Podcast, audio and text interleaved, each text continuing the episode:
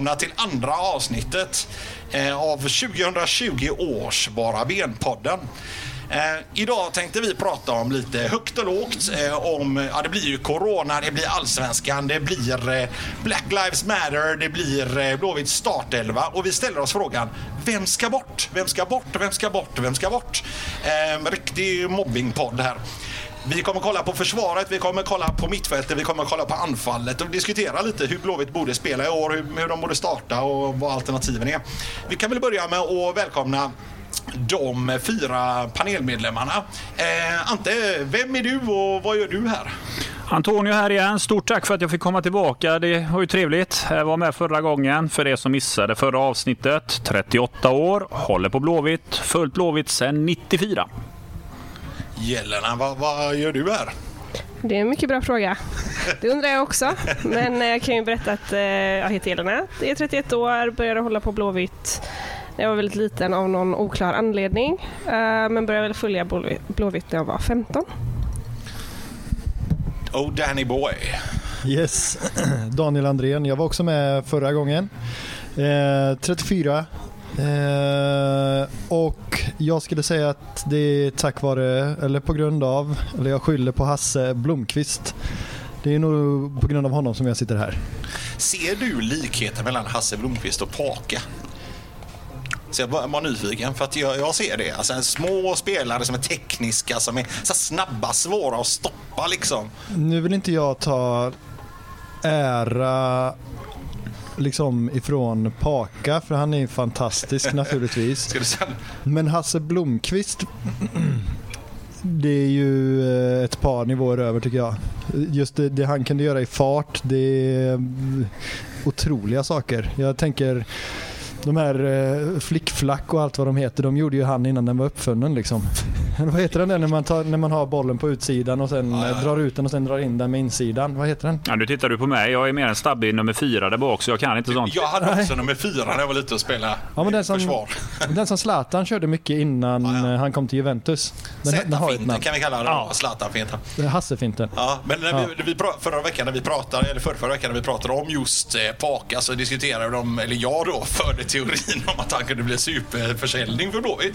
Eh, och då är vi också inne på Hasse som eh, varit aktuell nu under vintern och nu fortsatt aktuell med att eh, bli Blåvitts räddare i de här ekonomiska kristiderna kan man säga. Och den härliga sidan Score Nigeria, innan vi går in på något annat så måste vi bara ta upp detta, eh, har nyligen tagit upp det faktum. De skriver följande. Al-Hassan Yusuf for Premier League via Grasshopper. Och då är deras eh, teori nämligen att samma ägare som köpte Walt, eh, Wolverhampton Wanderers nu också då köpt Grasshopper och att de kan tänka sig att köpa honom, placera honom i Grasshopper och sen ta över honom till England för att komma hem runt de här reglerna med hur många utlänningar som får spela i eh, ett lag i England och så vidare. Eh, och det mest fenomenala här var ju då, jag såg ju dig Daniel när du förde teorin om att man kunde få betalt 70, 80, 90 miljoner för, eh, för Hasse. Jag skrattar lite här också då. Eh, Eh, och skrattet är inte på något sätt ett, eh, liksom ett försök att ta byxorna av Hasse för att han är en god gubbe. Han kan gå för många miljarder. Men Skåne säger då att Blåvitt har nobbat 7 miljoner pund. Ehm, vad tror vi om detta? Du sa, sa, sa du Score Nigeria? Ja, Score Nigeria. Den extremt trovärdiga afrikanska silly season-sajten. Ja, men jag menar det. Jag men, ja, jo, absolut. Det köper jag rakt av. Jag tycker om det stämmer så är det ett rimligt beslut. vad, vad tror du, Jelena? Är det verkligen så rimligt med tanke på hur ekonomin ser ut? Att tacka nej? Precis, ja, nu får du faktiskt svara här Daniel. Motivera, vad menar du med rimligt? Nej men jag tror att, eh, nej men det är klart, det, det, är ju, det, det är ju trams naturligtvis men eh, ja, i, i, i, en normal eh, vardag så hade det varit härligt och uppfriskande tycker jag om man hade tackat nej till ett sånt bud från eh, Grasshoppers. Ja, men, nu, jag måste bara flika in och säga att jag, jag sa faktiskt fel, det var inte pund de sa att eh, Ehm, Blåvitt hade nobbat utan 7 miljoner euro. Då känns det väl mycket mer trovärdigt faktiskt. Ja, ja. Nej, men då, jag, är, jag, jag sitter i Kennets båt. Ja, Ante, vad, vad säger du? 7 miljoner euro, vi nobbar. Känns som att vi är tillbaka som en storkraft nu. Jag vill inte på något sätt förringa Nigeria här. Skår Nigeria va? Ja. Eh, för den tiden när jag var student så fick jag mejl från den liberianska motsvarigheten som undrade hur det gick för de liberianska vännerna som spelade i Allsvenskan då. Det man skrev till dem, det publicerade de. Så man kan väl fundera lite lite på källorna Skåne Nigeria sitter med här. Att, eh, kan väl ha varit någon som har mejlat dem och sagt en summa så publicerar ja. de det. Det är ju lite roligt detta för att de har ju vävt in någonting som inte går riktigt eh, i linje med det man hört om där. Man, det man hört är ju att Blåvitt har fått ett bud eh, förra året ehm, eh, från, det var väl Sheffield United på 15 miljoner svenska kronor och att de skulle ha nobbat detta. Liksom det, det är nivån man förstår att Blåvitt skulle nobba en spelare som är en sån här årets talang förra året. Eh, de är ju uppe i mycket högre siffror. De pratar ju om att, det, liksom att Sheffield United langat in ett bud på 2,5 miljoner euro och då att Grasshoppers här nu kan kontra med, eller har kontrat med 7 miljoner. Att det är ett budgivningskrig. Vad tror vi att det finns ett sånt budgivningskrig, Ante? Alltså, det är säkert många klubbar som kollar på Hasse. Det här är, det här är en exceptionellt ung, duktig spelare. Men vi tog upp det i förra avsnittet. Det att för att nå nivåerna att en spelare ska gå för de här siffrorna, 60 miljoner och uppåt, så måste Hasse producera mer poäng. Och det är det han inte har gjort. Men hade han förra året varit en poängspelare utöver de kvaliteter han redan besitter, då hade jag inte varit överraskad om att vi pratar även idag i dessa tider om ett bud på 60-70 miljoner. Galna pengar oavsett.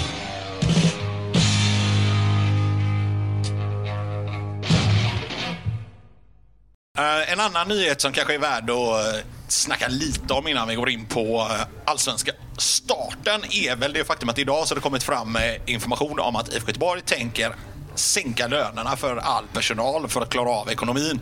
Vi har ju pratat en del om ekonomin här i podden innan eftersom att eh, coronatider gör att eh, alla går back, olika mycket back, men alla går back inklusive Blåvitt. Och nu en av de här metoderna för att hantera detta är att man helt enkelt har gått med på att i princip all personal verkar det som har gått med på att sänka sina löner. Vi har inte riktigt fått reda på hur mycket man sänker lönerna med och om alla får lika mycket lönesänkning. För jag kan tänka mig att det slår ju så såklart, om man kör ett procent, så att nu får 20 procents lönesänkning, slår det ju mer såklart mot den personalen som kanske inte har lika mycket i lön. Yngre spelare, juniorer som nyligen är uppflyttade, yngre personal också som jobbar på kansliet och så vidare. Um, vi får väl se om det kommer framkomma liksom exakt hur de har gjort. Men vad tänker man det här då? Att eh, inte bara Blåvitt, men förmodligen väldigt många lag eh, här i Allsvenskan kommer att behöva reducera sina kostnader genom sådana här åtgärder. Vad, vad tror du Tony? Det finns en stor allvar i det som eh, kom ut i mejl idag från, eh, eller den kommunikation som kom från eh, Max Markusson som hade skrivit under i vilken situation föreningen befinner sig i. Och vi ska poängtera och det är viktigt att det, när det kommer till lönesänkningar så är det inte bara spelarna som sänker sina löner och truppen utan det är hela klubben, all personal. Och jag menar, de som jobbar där, de har en privatekonomi, de har ett hem, de har en familj. Det är inte världens enklaste dag att gå hem och veta om att jag har sänkt min lön för min arbetsgivare. Det är otroligt nobelt. Det är otroligt nobelt att ställa upp för föreningen.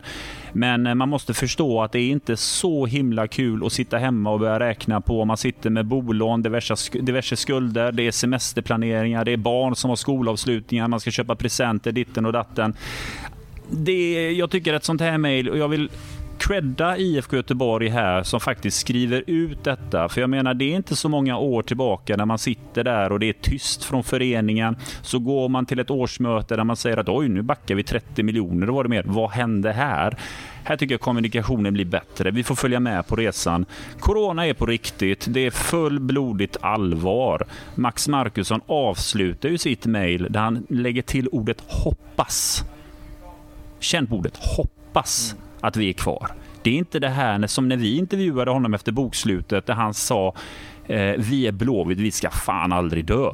Alltså den biter ju. Här är ordet hoppas. Alltså jag får rysningar av det. Vi tog upp det förra veckan. Ekonomin är tuff. Den här är svintuff. Eh, jag känner lite grann att vad som är viktigt för oss supportrar oavsett här IFK men också för allsvenskan att man måste sluta upp till sin förening. Vi kan inte ha en liga där tio klubbar har gått i konken och så är det bara ett fåtal lag kvar. Nu måste vi sluta samman, bidra på vårt sätt, köp en souvenir, gör någonting, gör något för föreningen. Har man en möjlighet, skänk en slant. Oerhört viktigt. Och jag vill ha en uppmaning. Eh, här. Nu har inte det kommunicerats på något sätt, men nu är det faktiskt premiär på söndag. Vi spelar mot Elfsborg. Eh, jag hade ju velat sett att, jag har inte hört någonting om det ska vara diskussioner om fiktiva biljetter. Men eh, om det kommer ens äga rum. Men jag kommer i alla fall här under sändningen swisha in en hundring. Det är min biljett till eh, Blåvitt Elfsborg. Så alla ni lyssnare där hemma, eller i bilen, var ni än befinner er. Har ni möjlighet, lyft luren, swisha över en slant, bidra. Så kan vi försöka göra det varje match. Att om inte Blåvitt har någonting utkommunicerat så kan vi väl själva dra över en slant och bidra så mycket vi bara kan. Eh, så vi gör vardagen enklare och lite bättre för gänget där uppe vid Kamratgården. Ja, vad tror vi på andra sidan bordet här? Jag håller med. Och som sagt, hoppas är eh, ett ord som man tänker, det ser nog inte så bra ut. Alltså det är nog mörkt. Det är nog jävligt tufft och det vet vi ju redan att det är liksom för alla i samhället. Men eh, det här känns som att nu är det faktiskt på allvar. Men inte det ett sätt också att på, på något sätt motivera för sin egen personal att nu ska vi sänka era, era löner. Alltså att visa att det här är faktiskt blodigt allvar. Att man kan inte säga ja, men alla får bidra, sänk era löner med x antal procent. Eh, men så rullar allt på så är det bra. Utan man måste ha lite den tonen att eh, ja, men det här är blodigt allvar. Vi kanske går under för att liksom, det ska kännas som att ja, alla ska liksom vara okej okay med det. Alltså för att sänka sin lön, det, inte, det gör man inte bara hur som helst. Ofta kämpar man ju för att upp, få upp sin lön. Liksom. Ja, men jag kan tänka mig det är säkert, jag har ingen aning, men sänka lönen eller så måste kanske någon annan förlora jobbet. Jag tror att man står där. Och då tänker jag att då är det mycket bättre att eh, kanske sänka lönerna och få ha kvar sitt jobb. Ja, men det är, det är väl en logisk konsekvens som som låter som ett bra motiv till att gå med på en eh, lönesänkning. Nu får man ju hoppas att mm, problemet uppstår ju ifall man går med på alla de här åtgärderna, sänker sina löner och hit och det ändå inte kommer i närheten av de pengar som Blåvitt faktiskt får in från till exempel just eh, matcharrangemangen som är en väldigt stor post. Nu kan inte jag det på rak arm, kanske Tony kan. Vad, vad, vad drar Blåvitt in på ett år ungefär på biljetter? Eh, vad ligger vi i förhållande till de andra lagen egentligen? Alltså, Eh, är vi, är vi stora, stora, starka storlaget Blåvitt eller är vi, ligger vi i mittenligan ungefär som den sportsliga prestationen? Tittar man på förra säsongen så landar vi på plats nummer fem. Malmö, Hammarby, AIK, Djurgården var före oss och vi drog in i matchintäkter förra året på 39 miljoner. Eh, och det har varit en, eh, och den ökar. 30 miljoner, 9 miljoner är ganska många swish-hundringar. Mm. Klarar vi av det då? Nej, förlåt mig, jag tittade där, det var 30 miljoner. 30, rättelse, okay. rättelse ändå, 30 ändå miljoner. Eh, men vi är på den femte platsen där och det är 30 miljoner som inte kommer in. Sen klart, på de 30 miljonerna så måste man dra av kostnader som tillkommer för att arrangera en match. Men det är inte allt för många miljoner som trillar bort där. Eh, det, det är ett svart hål som uppstår och eh, ja, 30 miljoner kan man inte bara trolla fram utan det, det, det är en post som bara försvinner och det har vi inte råd med. Ställ det också mot vad vi faktiskt hade i kassaflödet. Så av de här topp 7-lagen förra årets tabell så är det vi som hade den sämsta kassan. Det låter inte jättebra. Nej, svag kassa och inga publikintäkter. Det är allvar nu. Mm. Jag tänker att vi får väl hoppas att det mm, snart blir att vi får gå på matcher. Om inte alla så några. Ja, det får man ju hoppas, men det är ju väldigt svårt att veta. Det är ju väldigt svårt att veta vad som händer med den här satans corona-härvan. Liksom. Um... Polska ligan släpper in nu för publik i juli. De hade ju restriktioner. Jag har inte läst på det fullt ut där, men jag tror det var... Jag vet att ryska ligan körde 10% kapacitet. Polska ligan var något åt det hållet där också, om det var 10 Men det är redan i juli börjar polska ligan släppa in folk. Utan att snöa in för mycket på Sveriges metod att bekämpa covid-19 här, så kan man väl ändå säga säga att någonting de verkar ha gjort lite grann den senaste tiden är att de har i viss mån ransakat hur bra de här åtgärderna man tog till faktiskt var. Och är man lite rädd för att det fortfarande sprider sig på vissa håll, bland annat här i Göteborg. Eh, och då känner jag spontant att det finns väl också kanske en risk att våra åtgärder blir lite mer långdragna än de länder som har stängt igen helt och hållet för att då har de fått en snabb effekt. Medan Sverige jobbar lite grann, du vet de pratar hela tiden om den platta kurvan, platta kurvan, att vi måste jobba mer långsiktigt då för att uppnå den här platta kurvan även nu i sommar och höst. Eh, vad tror du om det Daniel? Nej, men jag tror eh, nog eh, att det blir eh, tidigast framåt hösten som vi får gå på matcher. Eh, men det, det, det, tror jag är tidigast och sen vill jag verkligen eh, lyfta på hatten för alla de här människorna på Kamratgården som går ner i, eh, går ner i lön. Det, jag tycker det är, det, det är stort. Sen får man inte heller glömma bort att det är en jäkla massa människor bland oss fans också som gjort det här och drabbats på olika sätt. Och, så att vi kan verkligen relatera. Mm. Inte, all, inte alla såklart, men många eh, som jobbar där ute som har blivit av med sina jobb. Många som har fått gå ner i, i lön och arbetstid vare sig de vill eller inte för att företagen, liksom Volvo har ju stått still bara i flera månader. Och en sån sak. De har sparkat hur mycket konsulter på olika underleverantörer och så vidare som helst. Jag själv är egenföretagare, jag har drabbats också eh, för att det är kunder som helt enkelt känt att de inte har råd med de vanliga kostnaderna. De har sparat på olika sätt och så har liksom diverse mm, korttidskontrakt och sidan inte förlängts för att ja, det är många som kan relatera, tänker jag mig. Um, ja. jag, jag, ser också en, eh, ett liksom problem i de här lönesänkningarna. Alltså jag tänker de här äh, spelare som hamnar på bänken, spelare som hamnar på läktaren. Hur, äh, hur kommer lönesänkningen kännas för de personerna? Alltså jag menar, jag tror att det skulle kunna skapa splittringar också, jag alltså långsiktigt då. Jag tänker om Blåvitt nu får loss pengar från sina transferintressenter får hem Berg. Berg ja. får eh, fem miljoner i sign-on från någon extern part. Samtidigt så sitter det killar på Blåvitts bänk eller som tycker att de borde spela men inte får spela. Fått gå ner hälften i lön. Det är klart man kan bli lite irriterad ja. i sådana lägen. Alltså, det är inte så mycket man kan göra åt det förmodligen. Man får sitta där och bita det sura äpplet. Men det är klart att det skulle kännas lite orättvist om någon utifrån kommer in och får en massa miljoner ja. Läge där alla andra får spara. Ja, jag säger som så också att hur ser fotbollsvärlden ut egentligen? Även när du kollar de större klubbarna där lönegapen mellan spelarna är enorma. Mm. Det är lite grann, ja du kan bli bitter här, men när du sticker ut i det stora stygga fotbollseuropa, mm, där, där har du större skillnader. Så är det eh, Sen eh, nu, skillnaden bara om man tittar på hockeyn här i Sverige så spel, Frölunda spelare tjänar ju mycket mer pengar än vad man gör i Blåvitt bara. Så det kan man ju vara bitter åt det hållet istället. Så slipper man vara bitter mot, mot Mackan Berg eller andra landslagsstjärnor som eventuellt känner för att komma till Blåvitt. Är ni välkomna allihopa? Pontus, eh, ja, du är inte landslagsstjärna längre. Men jag känner det sedan, sedan länge och jag har ett budskap till dig. Det är, det är dags att välja västkusten. Det är inget läge att prata om patriarkat 2020 va? Men ibland måste mannen sätta ner foten i sitt hushåll och säga till frugan du vi kan flytta till östkusten senare. Det bara min personliga reflektion där. Eh, ja. Mer algblomning i östkusten. Ja, precis.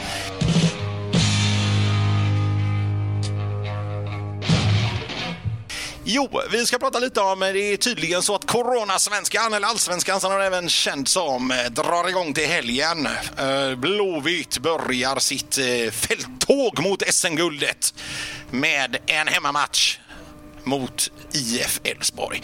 Ehm, hemmamatch spelar ju inte så stor roll nu. För nu, även den här helgen så var det likadant. Det var idel bortasegrar i Bundesliga. Eh, inte idel, men var det något lag som vann så var det i princip de som spelade bortamatch. Visst, Bayern spelade bortamatch mot sketlag också. Eh, och de vinner väl alla sina matcher där borta.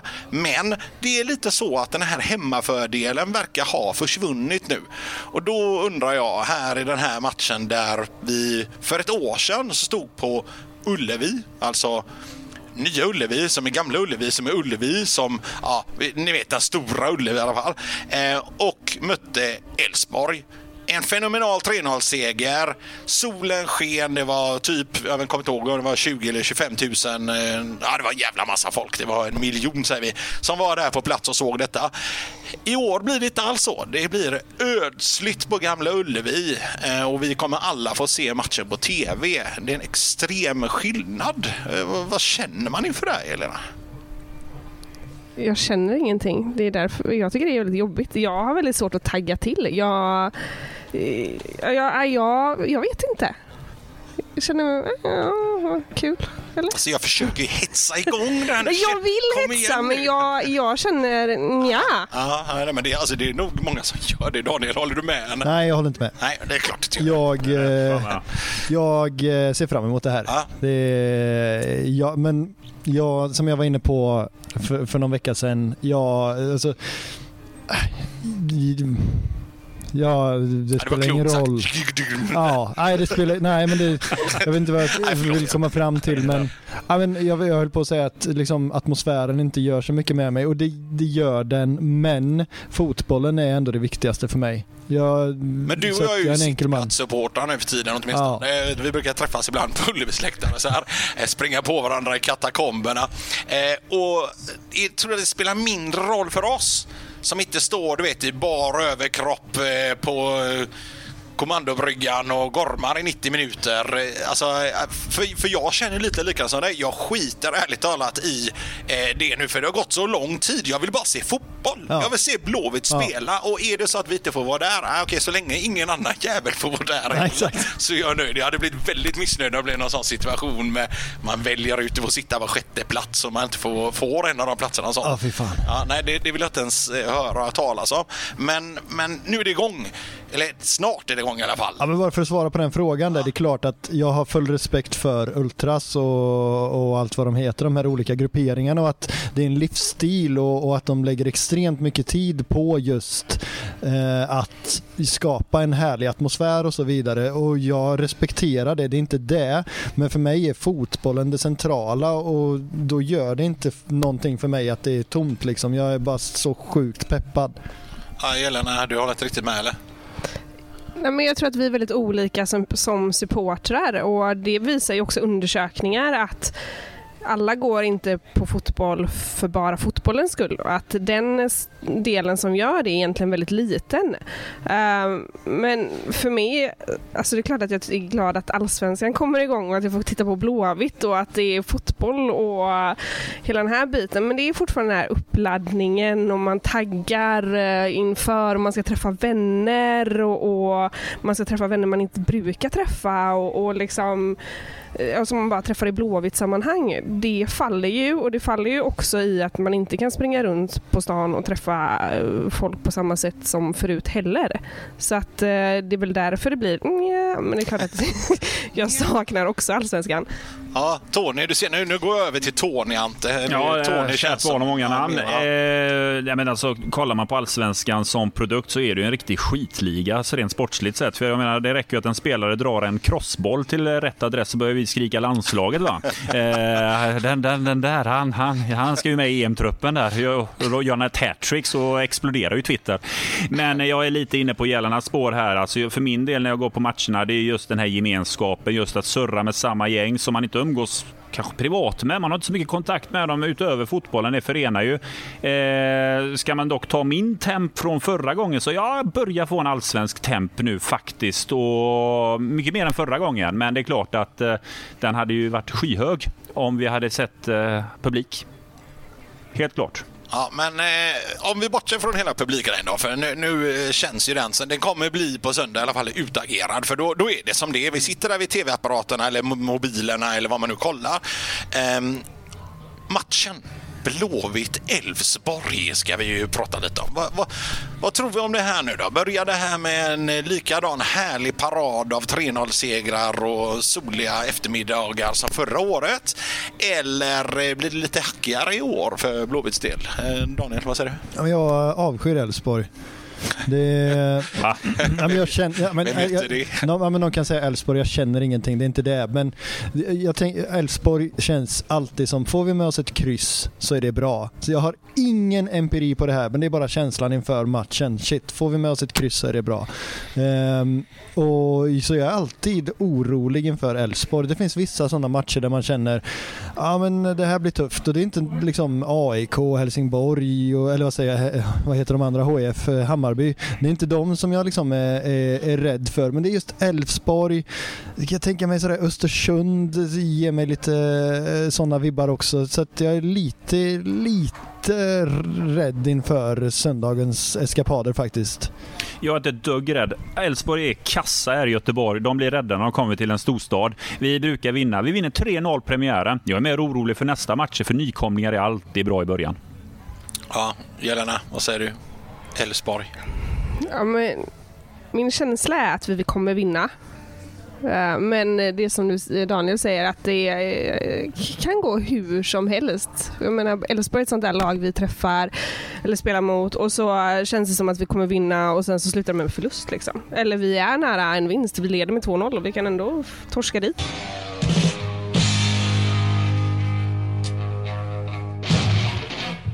Hur ser ni på det här att förra året inför allsvenskan så hade Blåvitt blivit totalt sågade efter det här fiaskot för två år sedan när vi nästan höll på att åka ur. Och då alla journalisterna de liksom såg oss vid fotknölarna och sa nu åker de ur, det här blir fiasko, det här blir kaos. Och du vet, Robert Laul tippar Blåvitt sist och det blir stora snackisar om de här grejerna. Och då så här i förhållande till det så överpresterar Blåvitt då och hamnar liksom mitt i tabellen. I år istället så börjar jag se höga tips på Blåvitt. Nu ser jag Blåvitt av journalister som åtminstone Twitter tippas på andra, tredje, fjärde plats. Alltså att de slåss om medaljer, Europaplats och så vidare. Finns det en risk att man liksom... Ja, eh, man får det här lite favorittrycket, eller man ska säga. Inte favorittryck då, det har väl Malmö och Bayern. Men alltså att man inte tippas högt, att det blir prestationsångest istället. Att vi liksom har svårare att komma in i det. Alltså man kanske kände att fan, nu ska vi prestera förra året när alla tippade en så dåligt. Vad tror vi om detta? Jag tror ganska lugnt där. Alltså, tittar man lite grann på Blåvitt själva som har kommunicerat så har de sagt att i år är ju egentligen en sportslig utmaning också, att man ska utveckla det som var förra året. Alltså jag har inte sett någon kommunikation från IFK Göteborg förutom Hasse och eh, greken som har pratat om guld, att klubben själva har sagt att vi ska gå för det. Eh, de har sina interna målsättningar. Eh, Jag säger också på samma sätt att i år är ett udda år. Man har inte det här trycket från läktarna. Jag tror att vi kommer se en helt annat spel i år och jag tror vi gynnas av det. Jag tror IFK kommer gynnas av det. Varför, varför skulle Blåvitt gynnas av eh, ingen publiksituationen? Vi, vi som är så stolta över den fantastiska hemmapubliken och så vidare. Ja, det beror lite på startelvan ser ut där, men jag tror att det här är året där många talanger kommer blomma ut tidigare än vad de kanske hade gjort. Där det blir okej att dra den där felpassningen och inte ha huvudet ner när man har 10 000 på läktaren dra en suck. Vad gör du? Utan man kan mer hålla huvudet upp, få pushen från lagkamraterna och bara ånga på. Jag Tror fler talanger kan blomma upp och vi har många unga rackare där. För vi behöver en bred trupp. Många unga ska få chansen i detta täta spelschemat. Kanonläge. Finns dock en risk att när de väl får chansen, de här unga killarna, för nu har vi ju värvat eh, gamlingar som Farnhus brorsa och så vidare. När de, då är publiken tillbaka. När Noah Alexandersson ska briljera till hösten för att det är skadelägen eh, eller att vi har sålt Aiesh för att han liksom varit säsongens bästa spelare eller vad det nu kan vara. Då kan pressen vara tillbaka igen. Då har man flytet från det man hade och vet vad man kan prestera och gjort det på seniornivå. Det tar man med sig i skallen att fan det här har jag klarat, det gör jag igen. Daniel, vad säger du? Nej, men jag tror eh, att eh, Antonio är verkligen inne på någonting där. Eh, definitivt. Sen eh, jag gillar ju faktiskt den värvningen av Alexander Farnerud. Jag tycker att den är klockren. Han, han har, rätta mig om jag har fel, men han har väl vunnit Bundesliga? Var han i Stuttgart när de vann? Det är osäker. Ja, jag tror det. Det kanske han inte har. Googla detta så medan vi håller på så, så tar Ja, vi reda ju på en- det. det är ju en- Så slipper vi säga fel. Ja men det är ju verkligen en spelare att... Eh, Ja, men, så... Nej, alltså, jag, jag köper ju vad du säger. Det, jag tror inte det är på något sätt en dålig spelare. Det blir lite, alltså jag försöker vara lite humoristisk när jag pratar om det eftersom att det är en ganska gammal spelare i förhållande till vad vi normalt har värvat de senaste åren. Eh, och att man ersätter Robin Söder som är en av våra få 30 plus-spelare med i så fall en ännu äldre spelare som dessutom är skadebenägen, som har varit skadad en hel del, som inte tog en plats i en lägre liga nu där nere i sista vända. Nu vet jag inte liksom, omständigheterna kring det och hur corona spelar in och allting. Men det är ju inte, det är inte hade det varit Alexander Fanerud för eh, sju, åtta år sedan så hade jag förstått att det var mer, alltså att man haft mer respekt för den värvningen än vad det är idag. Han är trots allt lite till åren. Så försöker jo. jag bara... 2007 vann han Bundesliga med Stuttgart. Ja, det är starka det papper. Ja, det, fast det är 13 år sedan också. Jo, jo, men det är fortfarande... 2007 vann Blåvitt SM-guld, ska du påminna Fair enough, men det är fortfarande, det, det är fortfarande någon som eh, har varit med när det går bra. Absolut. För att, jag menar, det är inte lätt när det går bra heller. Alltså hålla i den här streaken av att allting bara flyter på. Och vad händer då om man får en förlust? Det är då det blir svårt, tänker jag. Och då har ju han faktiskt varit med om det. Vi har inte så många som har vunnit så mycket i dagens Blåvitt, så det är inte dumt att ha någon som Nej, dessutom har vunnit Bundesliga. Det är många dessutom som pratar om det faktum att vi är så himla unga, eller vi har i alla fall varit det fram tills i år. Nu värvar vi in några lite äldre, inom citationstecken, eh, och höjer lite grann på vårt snitt i truppen. Och då undrar jag, då, finns det något egenvärde i att vara superunga? För att så här, är man i fotbollen för att man ska vara en talangfabrik som säljer spelare till Europa? Eller är man i fotbollen för att vinna ligan? Alltså vad är, liksom, vad är, vad är den viktigaste delen? För att ja, visst, alla är 18 år gamla och blir talanger som ska säljas till hitan och ditan och vår ekonomi ska vara stabil som fan. Men är inte syftet med fotboll att vinna? Jag tycker syftet är att vinna. Det tycker jag. Men eh, jag vet inte om de yngre spelarna tänker så. Alltså, alltså, det är nog både och. Man, det är klart att man vill vinna. Det måste man ju nästan göra för annars är det ju svårt att motivera sig till att gå ut på plan. Men jag tänker att man som ung vill man ju ha en karriär och, och det är möjligt på ett annat sätt än vad det var för 15 år sedan. Alltså, eh, det är en annan marknad nu än vad det var då så här skall då, om man tittar lite grann på våra motståndare utan att gå in liksom på eh, deras trupper och silly och så vidare. Finns det några lag i Allsvenskan i år, tycker ni, ehm, som är omöjliga för Blåvitt att slå? Eh, vilka är de? Är det Malmö FF är helt fantastiska, de kan vi inte räkna med. Och, ja, vi kanske kan slå dem i en enstaka match, men över en serie så kommer vi aldrig hålla ikapp eh, eller hålla tempot liksom, eller vad, vad tror ni? Jag tror Hammarby blir svåra med sin offensiva spelstil. Just när vi vill driva pressspel så möter vi lag som är tokoffensiva. De kommer vi ha svårast för tror jag. Ja men det fick vi väl eh, se prov på förra året om inte annat. Det var ju eh, framförallt bortamatchen mot Bayern var ju Tennismatchen? Ja, promenadseger liksom.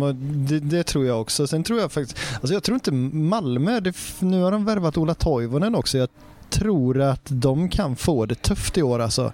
De har för många stjärnor. Det är stridigheter eh, mot tränaren redan. Jag menar smekmånaden har inte ens börjat. Smekmånaden är över. Avgå, avgå. Ja, men Rasmus Bengtsson lämnar alltså träningar två gånger. Ja, det är underbart. Det är starkt Man måste alltså. njuta Göteborg. Ja, ja, absolut, det gör jag. Och sen så har vi då Guillermo Molins med världens bästa självförtroende. Han kommer ju kanske sitta på läktaren. Hur fan tacklar han det? Ja, det är en bra fråga. Ja, jag tror inte att han klarar att sitta på läktaren alltså, med sin nummer nio. Det gör ju att vi kommer över till en annan fråga. Du säger att de har för många stjärnor och du menar du att de har för många stjärnor på samma positioner antagligen. Som att en del av dem kommer inte få spela och sådär för att man ofta så tar man ju in en, en eh, högerytter som är vänsterback för Nej. Eh, att få plats i laget. Men det finns ju oftast däremot, det finns ju andra situationer. Blåvitt då kanske man ska gå, försöka gå över till lite ja. där vi har eh, många spelare på samma positioner som är ja, glädjesituation för en tränare kan man tycka. Mm. Så har inte vi då i så fall samma problem i Blåvitt att vi har alldeles för många bra mittfältare i IFK Göteborg? Nej, det tycker nej. jag inte. För att de är, nej men alltså vad har vi? Nu, nu, får, ni, nu får vi hjälpas åt. Men vi har Agge, vi har Hasse, ja. Jakob kommer inte börja lira än. Eh, Amina... Nej, men när han är hel? Absolut. Då ska ju någon annan ut. Ja. Bort. Men jag ser ju mittfältspetsen som akilleshälen då kanske. För det är ju egentligen Sana, Paka och Noah Alexandersson som konkurrerar om samma position. Där kan det kanske bli lite, men jag vet inte, vad, vad, säger du Antonio? Vi kommer först och främst sälja på den positionen, för vi måste ju sälja i år. Hasse blir ju såld i år oavsett, no snack about it. Och jag menar, August Erlingmark är ju nästa kille som jag tror kan ta klivet bort. Men vi måste ha bredd. Att vi har eh, det tufft eller fullt på mitten, det är kanon. Kolla bara första veckan här nu när Allsvenskan sparkar igång. Tre matcher på en vecka. Premiär på söndag. 27 grader säger de här i Göteborg. Åh, vad gött. Ja, ja, alltså gud. Ja, men det, det kommer bli sån omställning för spelarna. Jag ser det att det kommer bli ett skadeinferno i årets allsvenska. För det gnälls hela tiden. Varenda gång vi har ett lag som ska spela ut i Europa så säger man att ah, det är så täta matcher. Alltså det är bara Sverige man gnäller. Herregud, jag menar dra bort till andra länder. Då är det kuppen, det är någon interncup, det är någon supercup, det är ligan, det är Europa. Det är standard med två, tre matcher nästan. Ligacupen. Ja. Men alltså det är ju standard med fler matcher. Eh, och så mycket som vi gnäller över två matcher. Vänta bara, vi kommer se ett skadeinferno i årets allsvenska och då ska vi ha bredd. Grejen är ju alltid i de sammanhangen också att alla lag har det ju likadant. Alltså, de lagen som spelar i Europa får det lite jobbigare. Men vad ska de då avstå i Europa och pengarna och så vidare som det innebär? Det ja, men träna rätt då. Ja, alltså träna rätt. Hade, det... hade Mats Gren rätt då när han sparkade Stare för att han tränade för lite med laget undrar jag då? Eh, för att ta en annan passus från en artikel man läste i GT. ja, men alltså var det inte, jag kan ha fel där, men handlade det inte, var det mycket fys han ville få in där eller? Han, han tyckte de tränade för kort. Han, mm. det var huvudkonflikt inne nu när han beskriver efterhand varför det blev en konflikt mellan honom och Stare var att han tyckte de tränade för kort, han tränade för lite och han gick till styrelsen och berättade detta. Han ville driva upp mängden träning som IFK Göteborg höll på med och Stare höll lite med honom helt enkelt. Han tyckte de, jag antar då att Stare mer tyckte att det skulle vara kvalitet framför kvantitet. Det gick ju sådär med Jörgen Lennartsson och när de skulle öka den träningen och det blev spel i Europa, det blev haveri i allsvenskan, så den rekryteringen följer ju inte väl. Jag har inte varit på överdrivet många Blåvitt-träningar, det har jag inte, men jag har varit på några med Jörgen Lennartsson och visst, de var långa, men jävlar vad dödtid det var alltså. Det var inte kvalitet i 90 minuter, två timmar. Så att, jag vet inte, den, jag, jag köper inte den. Man spekulerar lite i att han var den typen av tränare som löd chefen lite mer då. Ja, ja fine. Vill du ha långa jävla träningar? Vi kör långa jävla ja. träningar liksom. Ja. För om nu Mats Gren sa det också att det här var en av motiveringarna till varför Star har fått gå. Du får chansen att jag vill se längre träningar, jag vill se mer, mer av den här varan. Vi ser dem ute på den här planen. Ja. Ehm, jag tror att Mats Gren ville ha lite valuta för pengarna lite grann. Ja, men precis. Sen kan jag ha varit, alltså, sen vet inte jag hur de låg i träningsschemat med periodi periodisering och så vidare. Så det kan ju ha varit att de fyra, fem gångerna jag var där så kanske det var läge för att ha lite lägre tempo. Det vet jag inte men det var... Men jag har sett också, jag har sett en himla massa träningar, inte de senaste åren men framförallt eh, under Arne Erlandsen såg jag väldigt mycket Blåvitt-träningar. Och då kan jag lova dig att de tränade mycket. Men det var inte alltid som det man helst hade velat se dem träna på heller. Det var liksom väldigt mycket mycket löpning, fys, löpning med boll förvisso ofta, men övningar som gick ut på liksom bevegelse var ju hans favoritord, som är liksom rörelse på eh, norska. Eh, han var ju helt besatt av det här och han ville ju ha ett väldigt snabbt spel liksom. Eh, liksom, lite, lite old school norsk fotboll, tjonga och, tjonga och jaga lite grann. Och det gick ju bra i vissa sammanhang för honom så, men eh, nödvändigtvis mycket är ju inte alltid bra. Eh, Jelena, vad, vad, vad, vad, tror du om det här med att eh, Blåvitt eh, egentligen kanske borde chilla lite mer? Ja, alltså jag var uppe och kollade på träningen igår ja. och uh, spelarna är ju jävligt taggade om man tolkar kroppsspråket rätt. Uh, alltså de hade ju mer längtan än vad jag hade. så kan man ju säga. Men så att men jag tänker också Blåvitt då kontra de andra lagen, alltså och spela inför tomma läktare, alltså om man ser på Malmö har många stjärnor på samma pos positioner, kommer de mäkta med att inte få berömmelsen? Och kan vi då ha nytta av att vi har unga spelare som inte kanske är så vana vid att få uppmärksamheten? Ja, och, och följdfrågan blir också så här, Antonija var ju inne på att en del av de här killarna som är inne i mittfältet kanske ska säljas, kanske måste säljas, kanske är de som är de vi har bäst chans på att faktiskt sälja, framförallt då Hasse som fortsatt spekuleras hela tiden om att han ska gå utomlands. Men frågan blir, om de säljs kanske först till vintern, eh, eller han, eller han och Erling Mark, lite beroende på vad Blåvitt vill och vilka bud som kommer in och så vidare. Och Jakob Johansson blir hel till hösten eller till sena sommaren och så vidare. Då har vi ju tre med allsvenska mått mätt eh, i de flesta lag skulle jag vilja hävda ordinarie defensiva mittfältare. Ska då inte Blåvitt spela med samtliga dessa tre spelare? Jakob Johansson, jag höll på att säga Magnus Erlemark nu, men det hade varit lite, lite otidsenligt. Och August Erlemark och, och Hasse. Vad, vad, vad, säger ni? Ska, de, ska alla tre lira eller måste en petas och vi ska envisas med det här spelsystemet? Liksom? Vad säger du Daniel? Nej men med Jakob i laget kan vi lira Mange. Magnus Erlingmark alltså. Så det är inget snack om saken. Han kan spela vad han vill. Fan vad gött. Ja, ja, då är ju alla våra problem lösta. Ja men du, vem som, vem som ska bort på innermittfältet liksom. Ja. ja. Eh, jag vill nog ha en spets. Eh, en kreatör. Ehm, och jag håller nog ändå... Jag vill ha Sana. Jag tyckte han var riktigt fin i fjol. Alltså, det blev inte så många poäng. Det blev faktiskt väldigt få poäng.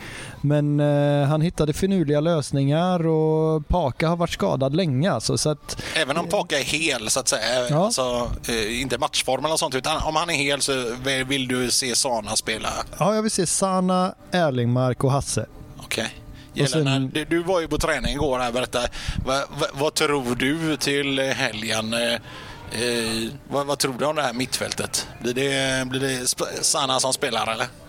Ja, Sanna och Hasse är nog givna. Mm. Um, Erling också eller? Mm, jag vet inte, möjligt. Okay. Men uh, inte i hundra. Det, alltså vi har ju att välja liksom. Ja. Det, det, ja, jag vet inte, det är svårt Det beror ju lite på också hur de spelar. Alltså, ja, kommer vi precis. fortsätta att spela precis som vi gjorde förra året, som jag då vill kalla ett 4-3-3 liksom med tre, en, två defensiva mittfältare, en offensiv mittfältare och att man har något slags eh, tremannaanfall men där yttrarna är lite mer defensiva i Georgi och Aiesh med Robin som ensam eh. Kommer vi spela så, så borde vi väl sluta med att vi på söndag så ser vi Erling, Hasse och då Sana förmodligen för att han kanske har fått mer tid att träna och så vidare. Vad tror du Tony? Håller du med? Jag hoppas att vi flyttar upp lite positionerna i mitten här nu. Jag tänker också speciellt när Jakob Johansson är tillbaka att det blir ju ännu mer trygg i det defensiva mittfältet. Att eh, Hasse får möjlighet att komma högre upp på banan. Mm, inte vara en tia, men lite längre bak och det kommer ju utveckla honom och skapa de poängen som han behöver göra. Det höjer bara värdet. Bra pengar. Hur, hur skulle du vilja formera laget om du ser lite på hela mittfältet? Nu menar inte jag när Jakob är tillbaka. Hur vill du helst se att Blåvitt spelar på söndag mot Elfsborg? Mm, jag skulle vilja se att man eh, om man har en filosofi som man har velat nöta in i en startuppställning, om det ska vara tre backar, då ska man fortsätta med det. Eh, om det är det man tränar på. Sen så vill jag se att det ska inte bara vara en tremanna eh, försvar, utan vi måste ju kunna ställa om. Om Elfsborg är otroligt offensiva den här matchen, sätter hög press mot oss, så måste vi kunna ha ett femmanna försvar kunna ställa om till en 5-3-2 och så vidare. Och det kan vi göra nu när vi har defensivt duktiga mittfältare. Men jag vill absolut ha Hasse med. Jag vill ha med, jag tycker Sana hade en fantastisk höst. Det är någonting i han, det är en hunger där i han, glöder och han har en han har en annan roll i sin skalle än vad han hade förr. Han ser sig lite mer som pappa i det här laget lite grann och vill ta hand om de yngre killarna som kommer in. Jag tror han kan vara en jättebra ledare där ute för de här ungdomarna som vill slå lite igenom. sjukt att han är 30 plus. Visst ja, det är sjukt. Han känns som 23 ja. ständigt. eh, nej, men jag vill se Sana. Jag vill ha med honom. Jag tror jättemycket på honom. Eh, och sen har vi Hossam Aiesh. Han kommer ju ha ett kanonår. I år jävlar. Det är hans år. Ja, jag är benägen att hålla med dig Aiesh, det, det är väl i sig inte någon extremt smal tippning heller. Det är många som tror att eh, Aiesh kommer slå igenom stort i år.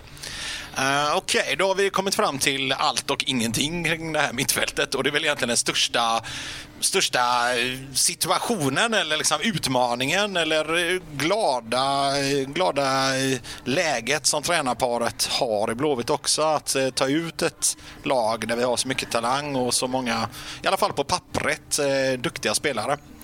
Uh, med det sagt så ska vi ta lite halvtid här på Bara Ben-podden eh, innan vi ska hoppa vidare till att prata om eh, Black Lives Matter och mer corona och den mixade zonen på Gamla Ullevi. Och eh, vi måste diskutera lite om eh, forwards och försvar också kring Blåvitt och kanske något helt annat från vänsterkanten. Det är kanske någon som ska begäras att avgå den här veckan. Vi får väl se. Men eh, innan vi går till halvtid där så vill jag ju bara kräva er på ett svar här nu. Om man måste och alla, alla gubbar finns med i Blåvitts lag idag. Det är Sana, det är Paka, Paka, Spaka, Sanna, Paka, Hasse, det är Erling, det är Jakob. Det är i alla fall fem stycken mittfältare. Amin också. Ja, men förlåt. För stackars Amin. stackars Och Noah Alexandersson. Ja, jag, ja, men jag, jag, tror ju att Noah kommer konkurrera mer med Aiesh till höger. Jag tror att eh, Sargon konkurrerar mer med eh, eh central forward. Ja. Eh, jag, ser, jag ser Noah i alla fall som eh, högerytter. Hur, hur som haver, när alla är med, vem ska bort? Vem, vem, vem ska inte spela av alla de här duktiga spelarna? Nej, men eh, för mig blir ju ett sånt mittfält det blir eh, Jakob, Hasse, Sana. Jakob, Hasse, Sana. Okej. Okay. Ja. Jelena, vad säger du? Vem, vem, ska bort? Jag tycker det här är en väldigt svår fråga. Ja, det är eh. enkla frågor att bara med på. Fan också. Eh. Nu får du sticka ut hakan. Ja, jag tänker säga bort med Aiesh. Okej, okay. bort med Aiesh och så spelar man massa ja, men jag mittfältare Ja, nej, men jag tror att uh, han uh, kan behöva en uh, morot som han inte riktigt har just nu. Okej, okay. du tänker, du petar honom så kommer han tillbaka sen som en... Ja, han behöver nog ja, vara lite mer på tårna. Okej. Okay. Tony? Jag ser Jakob, Hasse, Paka jag är benägen att hålla med dig. Jakob, Hasse, Paka. Men jag, sen har jag, jag är mer av den filosofin att jag tror att ett lag presterar bättre om de bästa spelarna spelar. Jag vill inte se de bästa spelarna vara bänkare. Jag anser att eh, Erlingmark är en av de elva bästa spelarna i den nuvarande truppen och så jag skulle stoppa in honom som mittback direkt. In med han och så tyvärr Kalisir, du får stå åt sidan för jag tycker att eh, KDG, De Grassa, alltså eh, har en helt annorlunda typ av eh, fotbollsstil än, eh, än vad Kaliser har och så ska Erlingmark in så är det Kaliser som ska ut. Um, vi får väl se om Poja lyssnar eller om han eh, ber oss att fara åt helvete. Det är väldigt roligt med det andra alternativet. Så återkommer vi i andra halvlek så får vi se.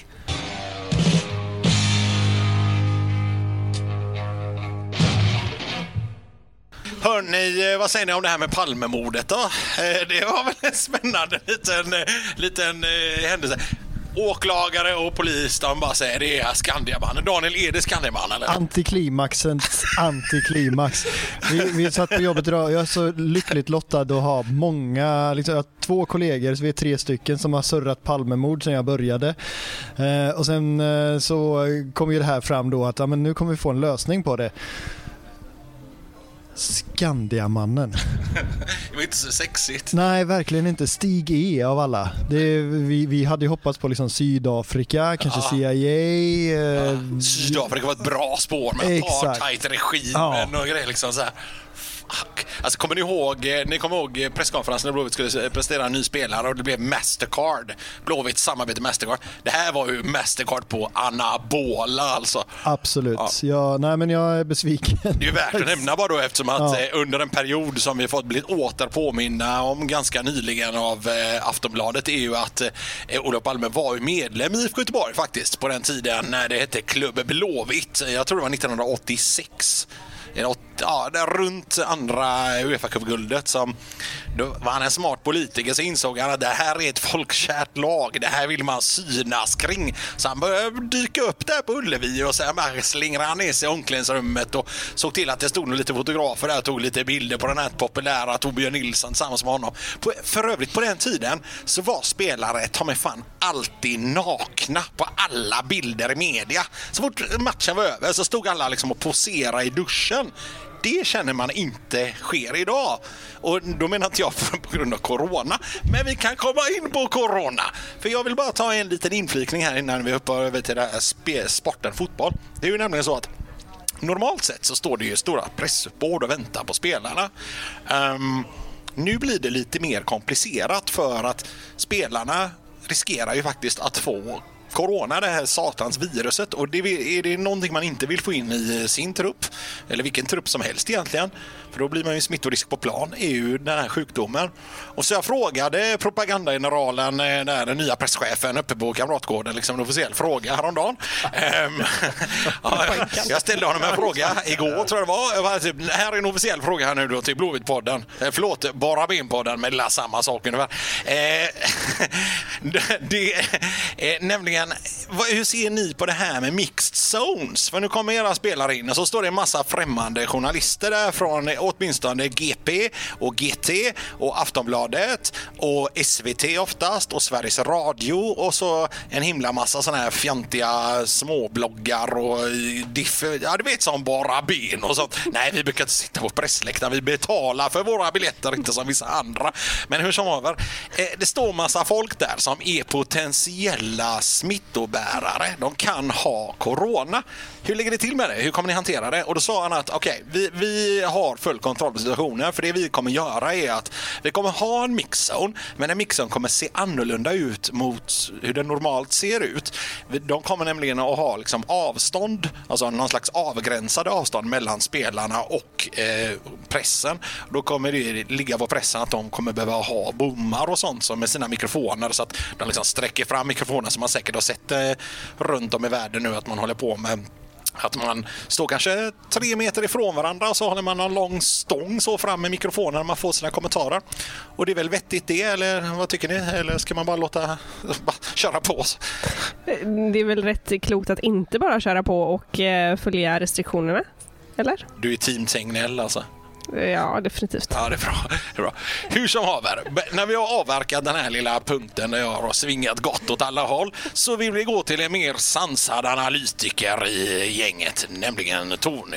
Ja, innan vill jag också ta lite corona. Eh, för vi tar har du corona? nej, nej, nej, nej, nej, nej. Det är ett jävligt tråkigt samtalsämne måste jag säga. ja, ja, Nej, men om vi tar det här, mix det är ju en sak där va. Ja. Men jag tänker också det att det är otroligt viktigt nu och jag hoppas att klubbarna har liksom restriktioner på spelarna med så vi inte har ett scenario efter träningen där eh, Poja frågar eh, Giannis vad händer ikväll? Då? Nej, grekiska klubben ikväll är någon gammal bekant som man känner där från Thessaloniki som visst kommit upp och ska vara en fest för 100 pers. Det blir lite, hörru du, grekiska klubben, coronatiden, nej nej, håll det borta. Det eh, måste ju finnas restriktioner. Jag tror tyska ligan, var Bayern München hade sagt det till sina spelare att ja, ni, det var till och med att de hade skrivit det. Ni får ju liksom inte gå ut i grannområdet och mingla. Och jag har svårt att se liksom Manuel Neuer Neuer gå till grannen och ta en fika. Men de är väldigt tydliga med att spelarna får inte vara ute och röra på sig på samma sätt. Det vet jag inte läst någonting om det finns något som, men jag hoppas det finns. Tydliga restriktioner, för det är superviktigt. om allsvenskan kring det faktiskt. Nej, det har inte jag heller gjort. Men det var väl någon tysk spelare som fick skit för att hans frisör kom hem till honom och klippte honom och de inte hade munskydd. Så att, eh, alltså de här men... rika människorna. Alltså, men jag, jag, jag tror att vi ändå är så pass kloka så att vi kanske inte riktigt behöver ha de restriktionerna kan vi ju hoppas. Fotbollsspelare. Men, men göteborgare skulle jag säga. Vad fan, gå på närmaste spårvagn säger mycket om vi har någon social distans till varandra. Lägg av. Fan, på vägen hit så stod det någon jävla tjej och försökte så här åla sig mot mitt axel. vad fan sysslar du med? Men det, är, men det är ju bara en anekdotisk bevisföring som det heter. Som minuter, eh, ja. ja. men jag tror ändå att klubben har pratat pratat väldigt mycket om detta. Man har nog varit väldigt noga men jag tror att man också är väldigt rädd för att den alltså, det sportsliga kommer bli extremt påverkat om man blir sjuk. Så att mm, vi får väl hoppas att det sunt förnuft finns och det tror jag. Men finns inte där en liten grej bara innan vi går vidare att eh, alla säger så här, vi har sunt förnuft, vi lyssnar på myndigheterna, corona ska respekteras, det här är jobbigt och så vidare. Men att framför allt kanske unga människor säger så här, ja men det där drabbar inte mig. Det där är någon annan det där liksom rör egentligen, det är gamla människor som dör och så vidare. Och att eh, går man förbi Andra Långgatan nu en fredagkväll så det är ganska mycket folk ute som inte verkar särskilt bekymrade över det här med att liksom vara nära andra människor. Så är det. Det håller jag med om. Men eh, jag tänker att det här är ditt jobb. Eh, Du ska kunna leverera på plan. Vi har längtat efter allsvenskan. Man är extremt drabbad som spelare i och med att alltså fan, vi har väntat två månader på att komma igång. Eh, Förhoppningsvis så har ju det satt sina spår. Ja, inte sådana coronaspår då för mig. Nej, utan eh, Nej, nej, jag ska spår i huvudet tänkte jag säga. Men bättre. Nej men träna, gå hem, gå ut, tillbaka träna, håll dig hemma. Alltså jag tycker man får vara superrestriktiv här mot spelarna. För att jag menar som, vi, som nämndes här, blir någon sjuk det påverkar jättemycket. Jag vet inte ens vad som händer om det dyker upp coronafall här nu i klubbar. Är det som så att laget inte kan ställa upp? Blir det liksom, får ens laget dyka upp om det konstaterade smittfall på träningen? Jag säger den här säsongen är göstökig. Nej, det där blir ju en eh, satans situation för det laget som får en konstaterad smittad Ja. spelare. För att då kommer ju direkt motståndarna vilja hävda att nej men det där laget vill inte vi spela mot. Det borde bli walkover se, och så vidare. Det kan absolut bli sånt. Man testar ju mycket mer nu. Mm. Tror du inte att det kommer bli så att om någon konstaterar att eh, det finns en smitta i laget så är det liksom testa alla spelarna liksom och är de gröna så får de spela? Absolut. Jag tror, jo, absolut. Jag tror bara att det kommer bli den här debatten. Vi vill inte möta dem fast det är ett konstaterat fall. Jag, alltså alla lag är ju olika där. Jag tror det kommer bli göstökiga debatter här när, när det har rullat igång ett Då par omgångar. måste man ju införa någon slags att alla spelare måste testas i princip varje dag. Alltså om det blir någon spelare som är smittad för att kunna hela tiden konstatera att nej men ja, det, våra materialare har inte liksom så haft det latent och sen spridit det i gruppen. Eller, Nej, men jag, tänker, jag, jag får för mig att liksom Kim och Tolle skulle kunna vara sådana som eh, skulle kunna ställa till bekymmer i en sån situation. De, de känns som eh, Dryga. dryga, ja. Exakt. Ehm, kanske också inte, Magnus Persson, men nu tränar ju inte han något lag. Han skulle kunna vara en sån annars. Han har lite den auran tycker jag. ändå. Ja, exakt. Och Rickard Norling har babblat om något som ingen fattar. Ja, exakt. Nanne, Nanne Bergstrand hade inte haft några problem med någonting tror jag. Är bara. Norling känns som en sån jävel ska, han börjar bara prata om så här liksom, några filosofer i buddhismen liksom, som har gett honom inspiration till vad han ska göra med corona. Okej, eh, jag, jag, Moving on. Eh, Bortsett från det så vill jag nu lämna över eh, stafettpinnen till, eh, eh, sånt här får man inte säga i dagens värld, men våran husjugoslav som eh, kommer att dominera nu. Ah, förlåt, det är jävligt känsligt att använda sådana ord. Han ger mig mördarblickarna nu. Nej, jag tänker bara på morsan säger det här när hon ska lyssna på den här podden. Ja, ja, morsan lyssnar det är på bort. Jo, hon lyssnade förra det? gången. Hon sa, Hallå jag, mamma! Jag fattar inte vad ni pratar om. Nej, hallå mamma! ja, vad gött. Du kan i alla fall ta över ta- stafettpinnen nu för att jag vet att du har gjort en liten eh, analys av siffror som är din specialitet. Och det är nämligen så att du har tittat en hel på eh, det här med åldrar och effekter av eh, åldrar i trupper och liknande. Kan du berätta? Vad är Jo, då, nu, nu kommer hemligheter fram.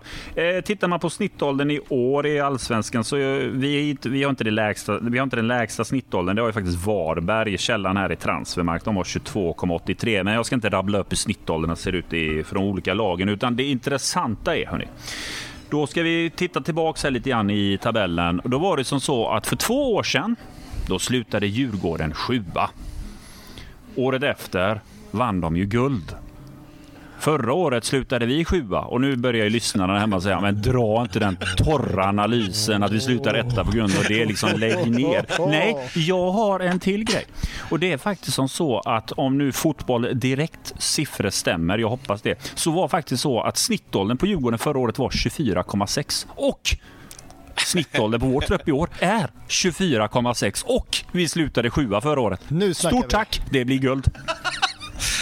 Gå hem och finhacka löken nu folk. Fram med pytten som har stått i frysen i 13 år. Damma av isen.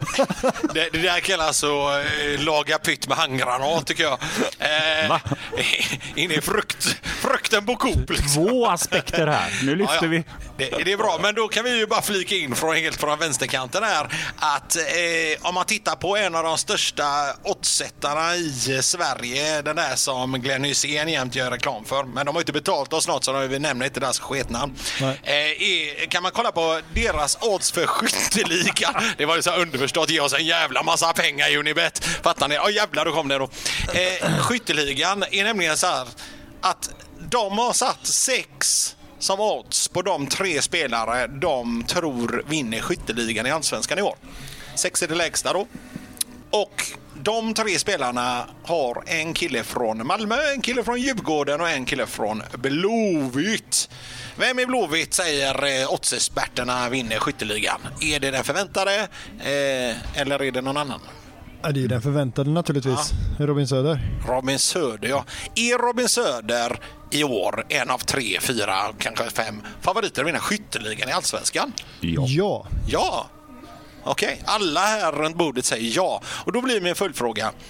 Om vi nu har ett sånt satans bra mittfält så att eh, vi har mittfältare som kanske liksom måste säljas för Ja, vi nobbar 7 miljoner eh, eurobud och vi har eh, landslagsmän som är på träning, liksom avbytarbänken i princip. Eh, och så har vi en kille som kan vinna skytteligan där framme. Då måste ju den svaga länken i det här laget vara försvaret, eller? Ja. Ja, det var tveksamt ja. Jo, men jo, det är det ju. Alltså, ja. Det... Var, varför då? Vad är, vad är problemet med Blåvitts försvar egentligen? Nej, men det är ju dels då högerback. Jag har inte sett Jallow så det jättemycket men jag hoppas att det är han som tar den tröjan för att ofta med, med spelare som omskolas till högerbackar så blir de väldigt defensiva i sin eh, position för att de vill säkra defensiven innan de börjar kliva framåt så mycket. Och jag tycker att man kanske förvisso såg en del härliga offensiva förtjänster hos Tocco förra året. Men jag tycker inte riktigt att han har paketet för en högerback. Um, och Emil Holm eh, kommer bli en jättefin högerback vad det lider. Det råder det nog inga som helst tvivel om. Ehm, men inte i år kanske. Viktor Wernersson jättefin allsvensk vänsterback. Vad finns bakom det? Det finns den tredje Dahlqvistan och jag vet inte, det är tredje gången gilt. Så det Andersson är ju en riktig favorit hos Boja. Han har ju spelat väldigt mycket sen Boja kom till Blåvitt. Ja, men nu ska han spela tre matcher i veckan liksom. Ja, alltså jag, jag menar inte på att han eh, liksom är för bra eller för stark för att gå sönder eller liknande. Jag menar mer att vi har ju faktiskt kanske haft en del problem med ungefär samma försvar här nu. Eh, alltså vi, vi har ju, de har ju satsat på mm, Dagrasa, Kalisir, Wernersson mm. åtminstone. De tre av fyra och sen liksom varit lite ombyten och skiften och så vidare. Eh, någon svag länk där måste det vara för att alla är överens. Eh, det verkar som alla experter i Sverige är överens om att Blåvitts försvar är svaga delen av laget. Vem är, vem är den svaga då? Alltså det är ju delvis Dagrassa i och med orutin och han blir lite hetsig kanske och tar en del onödiga kort och det är lite rusningar och, och sådär. Men sen tycker jag nog att Kalisir är den svaga länken i Blåvitts försvar. Är, han är väldigt svajig alltså. Ja, går upp och ner. Gällande, vad säger du? Eh, jag tänker att vårt, eh, vår backlinje hade ju varit, eh, vi hade haft det betydligt mycket tuffare om vi inte hade haft Anestis. Alltså att där tror jag att vi känner oss lite mer safe. Även om vi kanske inte har den perfekta backlinjen så känner vi oss lite mer safe för vi har Anestis. Uh, som ändå, han står i mål men hade vi inte haft honom så Det känns inte... tryggt ändå med honom där. Ja, det känns jäkligt tryggt tycker jag. Hade vi inte haft honom så hade vi varit kokta. Det var ju lite wildcard när han kom liksom och så här, ah, han har höga, han har bra meriter och så vidare men liksom, är det en sån målvakt som gör fem jättetabbar om året eller så? Men han har ju faktiskt visat sig vara riktigt bra och hålla en hög nivå. Håller, håller du med Ante? Är det, är det det som är det som safear upp försvaret att Anestis finns där? Gud ja. Det Anestis gör så mycket och skapar den tryggheten som vi har saknat. Vi tog upp det i förra avsnittet också, just där vi hyllade Anestis. Och det ska han ha, greken. Han är grym. Mittbackarna är våra akilleshäl och jag vill fortfarande ha min general där. Jag vill ha in en general i försvaret och eh, det pratas om, det har nämnts flera olika namn. Vi hade ju eh, norrmannen som var en av dem. Han ströks bort. Det har surrats lite om Ragnar Sigurdsson Andersson. Och det pratas om eh, Bjärsmyr. Och eh, jag vet inte. Det känns som att man letar efter en back som har rutin men som är också en bra spelare som kan spela upp bollen. Man vill ha en bra, bra, man vill ha en bra speluppbyggare. Man vill inte bara ha en stabbig back, man vill ha en som är bra med boll också. Och det är inte lätt att hitta med den lönebudgeten vi har. Sigurdsen har ju gått och så här smygförlängt sitt kontrakt med en månad nere i Köpenhamn. Mm. vilket är lite så här, eller i alla fall för mig ger signalen om att han helst skulle vilja stanna i Köpenhamn. Men om de nu inte vill satsa på honom, han har varit de första matcherna här i Danmark så han har varit helt utanför truppen. Eh, så kanske han vill liksom flytta på sig snarare än att sitta där och spela av något kontrakt. Då är ju frågan om det kan vara så att han eh, tänker fan Blåvitt är inte så dumt ändå. Okej, fine, inte pengarna, men det gör i alla fall att jag får spela och då kanske jag liksom har landslagsplats och så vidare. Ja, och dessutom är nummer sju ledigt. Jag menar senast eh, Ragge var här så hade han nummer tio och nummer sju är ett num nummer som förpliktigar. Så det är, jag blir inte förvånad om Ragge dyker in och tar sjuan. Det är ju min önskedröm liksom. Eh, fina fötter, allt det andra är ju... Alltså, ja. Ni minns väl den här glad påsk Djurgården-matchen där han drar in en boll från i princip, jag kommer inte ihåg om det var egen planhalva eller om det var mittlinjen liksom, men det är en härlig båge på den. Ja, ja, Men, eh, visst, men det känns ändå lite som att Ragnar är så pass bra och så pass bra i VM senast att han kommer förmodligen kunna få lite erbjudanden och alternativ. Ja. Det är inte ja. bara Blåvitt som erbjuder honom eh, liksom ett kontrakt, eh, lite som vi snackade med Vibe förra avsnittet. Nej, men jag tror att Ragnar kommer flytta hem till Island eh, efter karriären. Jag tror att han kommer nog avsluta karriären i Island, eller på Island till och med. Eh, och då vet jag inte eh, om han är så intresserad om, alltså det, jag känner inte honom men jag får ändå känslan av att menar, när han flyttade till Köpenhamn så snackade han om att det är gött att kunna cykla till träningen. Alltså han gillar det här familjära. Det skulle kunna tala för att han gillar trygghet och jag menar, det är klart att i Göteborg känner han och en säsong i Blåvitt och ett SM-guld, det tror jag inte han tackar nej till. Nej, eh, Ante, vad tror du? Jag tror inte Ragnar kommer. Jag tror att det kommer vara andra klubbar som kommer rycka i honom. Vi kommer inte kunna erbjuda den lönen i närheten av vad han skulle kunna begära. Hänsyn till ekonomin, även om intressenterna går in.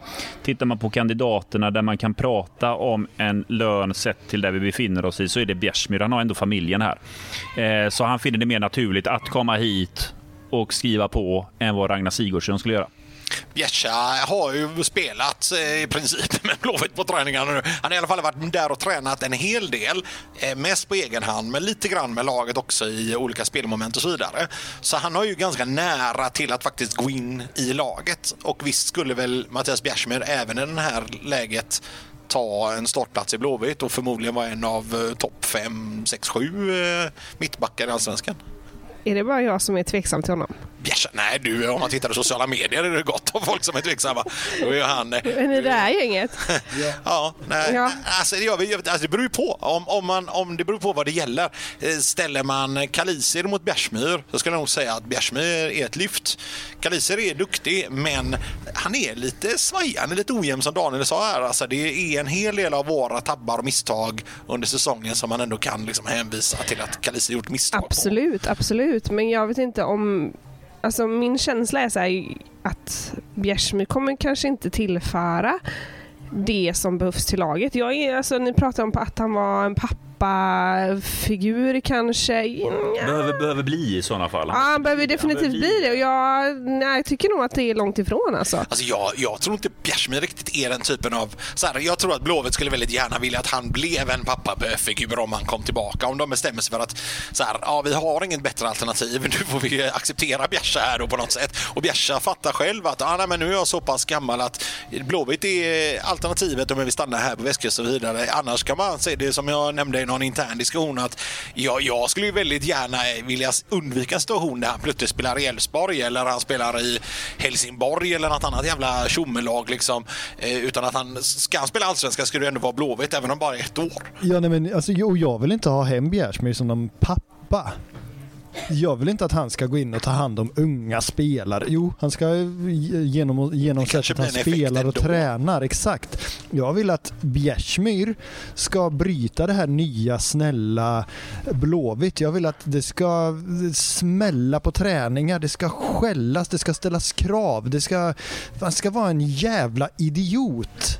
Det tror jag behövs om man ska komma någonstans. Det måste skava om man ska vinna ett SM-guld. Går, det, går det verkligen att underskatta också det här med att om Mattias Bjärsmyr skriver på för IFK Göteborg, går inte då procenten direkt på att Pontus Wernbloom kommer till Blåvitt upp från 0 till åtminstone 10 och att Marcus Berg från 3 till 30? Alltså för de här killarna känner varandra nära.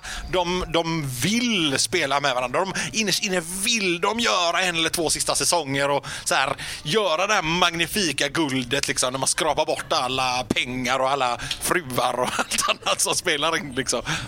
Jag vet inte, jag, kanske men... Eh, det, Säga skall här då att runt bordet så är det många huvuden som eh, gör eh, nekande rörelser. Bra poddmaterial. ja, exakt. nej, men, nej, men det jag vill se är ju en en, en fullkomlig idiot liksom. Jag, mm. jag ser inte vem det skulle vara köpa annars. Paul Gascoigne då? Ja, eller Sebastian Eriksson. Men han lär väl stanna i Italien. Och det undrar jag honom. Så det hoppas jag att det Men blir Italien för Vad ska Sebastian spela då? Är det Victor Wernerssons plats som vänsterback han ska Nej, ta? Nej, mittback i så fall. Mittback? Ja. Okay, ja. Och du, du tycker då, i, i, i den jämförelsen tycker du att då Sebastian är bättre än Bjärsmyr? Mm, ja, som fotbollsspelare absolut. Som, men, och jag tror nog, jag ser hellre honom än Kalisir. Jag förstår att det låter som det låter, men det ja, gör jag. Nu låter det vi taskiga mot dig Kalisir, men det, är inte meningen. Du kommer säkert göra ett bra jobb eh, även i år. Jo, men då, jo, men det... jävel, han får sig så många omgångar här nu. Ja, fast det Hoppas handlar ju, jo, fast det handlar ju också om spelare som har varit ute, alltså två tidigare landslagsspelare, två ja, tidigare nej. proffs i Europa, så, så det är ju inget såklart. hån mot Kalisir. Absolut absolut, inte. inte. Det är absolut inte det jag inte. säger. Men... men faktum är ju också att så här, om man nu säger att försvaret är den svaga punkten i Blåvitt så måste man ju på något säga någon måste ju också bytas ut. Så, så då är frågan, om man tittar på de eh, backar som vi har idag, om vi ska bli ett bättre lag, om vi ska bli ett lag som konkurrerar om Europaplatser och guld, vem ska bort? Vem ska bort? Vem är det, den svaga länken? Det fanns ett tv-program i USA som hette Who's the weakest link? Det är lite det jag är ute efter nu. Är det Kalise som är the weakest link? I mitten ja, och skulle det inte hända någonting på transferfronten så vill jag ha ner Erlingmark som mittback för att det är en kille som såväl kan driva boll upp, har mittfältserfarenheter och kan jobba defensivt. Så där ser jag Erlingmark i en position att han kan utvecklas väldigt bra. Håller du med? Jag håller med. Ja. Daniel? Vad tycker du? Ja, jag håller med. Så jag håller också med. Så Oj. nu är alla fyra helt, helt överens om att vi vill se Erlingmark som den general som stiger in där. Så sluta drömma om Ragnar, sluta och tjafsa med Bjärsmyr i bra nog och så vidare. Fast helst av allt vill jag se Bjärsmyr. Fast helst av allt vill jag nog se Ragnar och ska vara Ja men det känns mer utopiskt. Jag försökte bara vara så här snäll. Nu är vi Han kommer inte. Han kommer inte. Nej, nej, men vad fan. Eh, Ragnar dröm, alla dagar. Men dröm nej. högt. Sikta mot stjärnorna når du trätopparna. Om du siktar på Ragnar kanske vi låser Bjärsmyr. Siktar du mot Bjärsmyr kanske vi står med Kaliser. Ja, förlåt nu.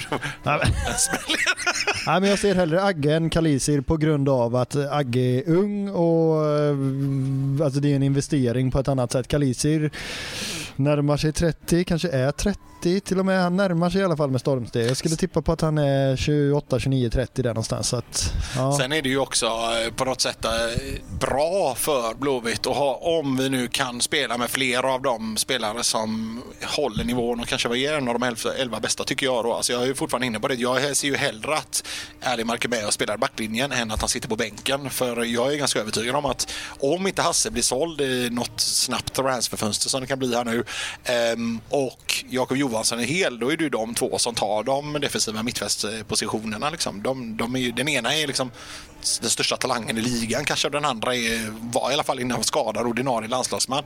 Där är ju risk att Erlingmark kommer i kläm och då vill jag att han ska vara på plan och då ska han banne mig spela som mittback och jag, då fine.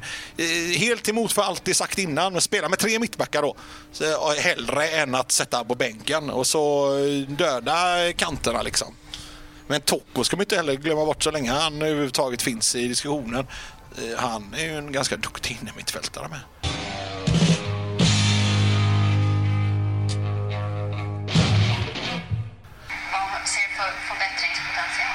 jättekonstigt att ett så stort lag som IFK Göteborg springer runt och nästan har halleluja-ställning plats. För mig är det konstigt.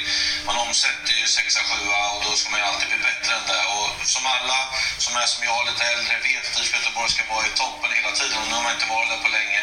Och då blir det ju lite konstigt när man liksom får som att det är nästan att man tagit SM-guld fast man blir sjua. Det här är då alltså Alexander Axén som säger att det är väldigt konstigt att eh, Blå... hans upplevelse är att under förra året så firade Blåvitt resultatet som sjua i allsvenskan som om de hade vunnit SM-guld och eh, var väldigt glada över detta, vilket han tycker är väldigt konstigt med tanke på att, eh, med tanke på att Blåvitt är ett storlag i hans ögon. Så är det en väldigt märklig reaktion på en sån dålig tabellplacering. Ehm, och det här går ju att diskutera fram och tillbaka ifall eh, Blåvitt har haft det och ifall fansen har haft den här reaktionen. Personligen hade jag inte det. Jag tyckte sjua var skit. Ehm, jag vet att en del andra kanske inte håller med mig. Jag tror att han baserade väldigt mycket på att han tycker att Poja var nöjd och jag tror att den enkla förklaringen till det är helt enkelt att eh, Poja kände sig väldigt pressad efter att alla tippat honom i princip som ett fiasko under förra året. Liksom det som var inne på förut, Robert Laul tippade honom sist. Men det var ett fiasko året innan. Så var det året innan, men jag menar... Jo, jo men då, ja. det baserar man ju på kommande säsong. Absolut, absolut. Och det gjorde ju många journalister också. Man säger då att det kommer gå åt helvete för Blåvitt. Och då när man presterar och hamnar i mitten av tabellen och blir sjua, då, det, då tenderar man kanske att säga åh oh shit vad bra vi gjorde ifrån det. Kolla, vi gjorde bra ifrån oss. Vi hamnar sjua och inte fjortonde. Att det är en liksom delförklaring till varför man verkar gladare än vad man är. Så att jag vill jag vill fråga er, är det Alexander A. Axén eller är det via Play som han är hos? Eller är det Poja eller vem fan är det som ska avgå i detta egentligen? Daniel, berätta för mig nu. Du är expert på avgångskrav. Alexander Axén ska avgå. Det, är, alltså, som, det var väl ingen som firade att Blåvitt kom sjua liksom. Jag har funderat på liksom någon form av eh, eh, avgångssegment och då givetvis då Christer Petersson men eh, det är irrelevant för podden Inte kanske. Pettersson Nej, men han ska aldrig avgå. Han ska helst, han ska helst komma tillbaka tycker jag. Reinkarneras i någon ja. form. Eh, Robert Laul som ville stänga serierna eh, tyckte jag också var, bara lägg av. Uh, och sen... Ja, men inte det, det, det, är inte det en jävligt trött analys? Jag har själv varit inne på den liksom, i, i svaga moment i ja. livet. Liksom. Men, men inte det idag i Allsvenskan med liksom, vilka lag som spelar de olika serierna och den dynamik som finns med att man kan rasa ur ja. och så vidare. Alltså, det, är bara, det är väldigt NHL-trött. Ja, ja, visst. Ja, men slopa, ja, slopa elitlicensen för i år, det kan jag gå med på. Men inte stänga serierna, det är bara löjligt. Så att Christer Petersson Djurgården, Laul. Helsingborgs IF var jag inne på Helsingborgs också. IF ska De vill låna också. 40 ja, miljoner. Jag, mina, jag glömde han med AIK-tatueringen, Axén. Axén, ja, men, ja. men jag, jag landar någonstans i att Axén... åsikter om Blåvitt. Ja, liksom. nej, men det, Hallå, jo, men det, det är liksom bortanför löjligt. Det var ingen som firade. Jag såg snarare liksom, ja men det var väl okej. Okay.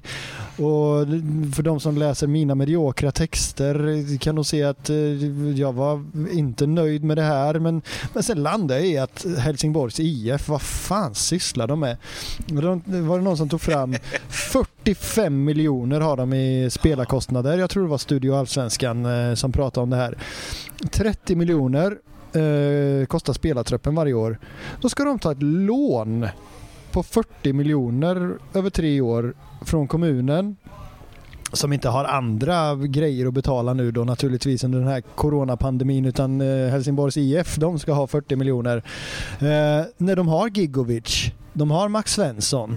De har spelare som de kan, ja visst, ria ut, fine. Men de behöver inte låna 40 miljoner eller få. Alltså, Granqvist tjänade ju mer än det sista året i Ryssland. Exakt. kan väl flikas in. Ja, Som någon ska ner. rädda den klubben så kanske det inte ska vara skattebetalarna i Helsingborg. Ja, men låt Eskils minne ta Helsingborgs plats i, i Allsvenskan. Jag, menar, jag vill ha kvar ett Helsingborgslag på grund av gräset, men eh, annars kan de fan ta och avgå. Vad tror ni att andra i Helsingborg, alltså typ här mindre lag tänker om det här. Ja, men det är allting åt helvete för oss. Vi får inte spela i division 3. Eh, ja, life sucks liksom. Men kommunen ska langa in om de nu gör det, en himla massa pengar i elitlaget. Är det så viktigt för Helsingborg liksom? Att ja, utan det så finns inte Helsingborg som stad längre ungefär? Ja, jag vet inte. Nej, de kanske nej, de, de försvinner om de inte är med i Allsvenskan. Är det någon som vet någonting från Helsingborg förutom Helsingborgs IF? Tura. Tura, vad är det för något? De har åkt över till Helsing. Så du menar båten är iväg från Helsingborg? Precis, det är det enda jag vet. ja, Daniel, vad, vad har du för Helsingborgsminnen? Ja, men det är ju, de har ändå gett oss Henrik Larsson. Men det är ju Helsingborgs IF då. Men det är ju de, ja, är ju... vad heter de? Högaborg heter de va? Ja. Skogaholm vill jag säga. Ja, exakt. Som um, ja, nej, så att, uh, nej, jag vet inte. Jag tycker, jag hade ju om jag hade pysslat med breddidrott i Helsingborg och sett att Helsingborgs IF, fan, betalar de ens hyra på Olympia nu för tiden liksom? Tror inte det. Nej, det känns inte så va? Nej, och hela det arenakomplexet där. De har även byggt någon slags eh, ishockey eller handbollshall bredvid och så vidare. Så kommunen, de tjänar säkert bra med pengar att ha Helsingborg som hyresvärd. Så finns det en tanke om att finns inte Helsingborg kvar så är det en förlustaffär i längden såklart. Inte bara moraliskt för staden utan också ekonomiskt. Så att det, det, de, är säkert, de gör det ju inte bara hux flux utan de har ju tänkt igenom det. Ja, men betalar de för sig då?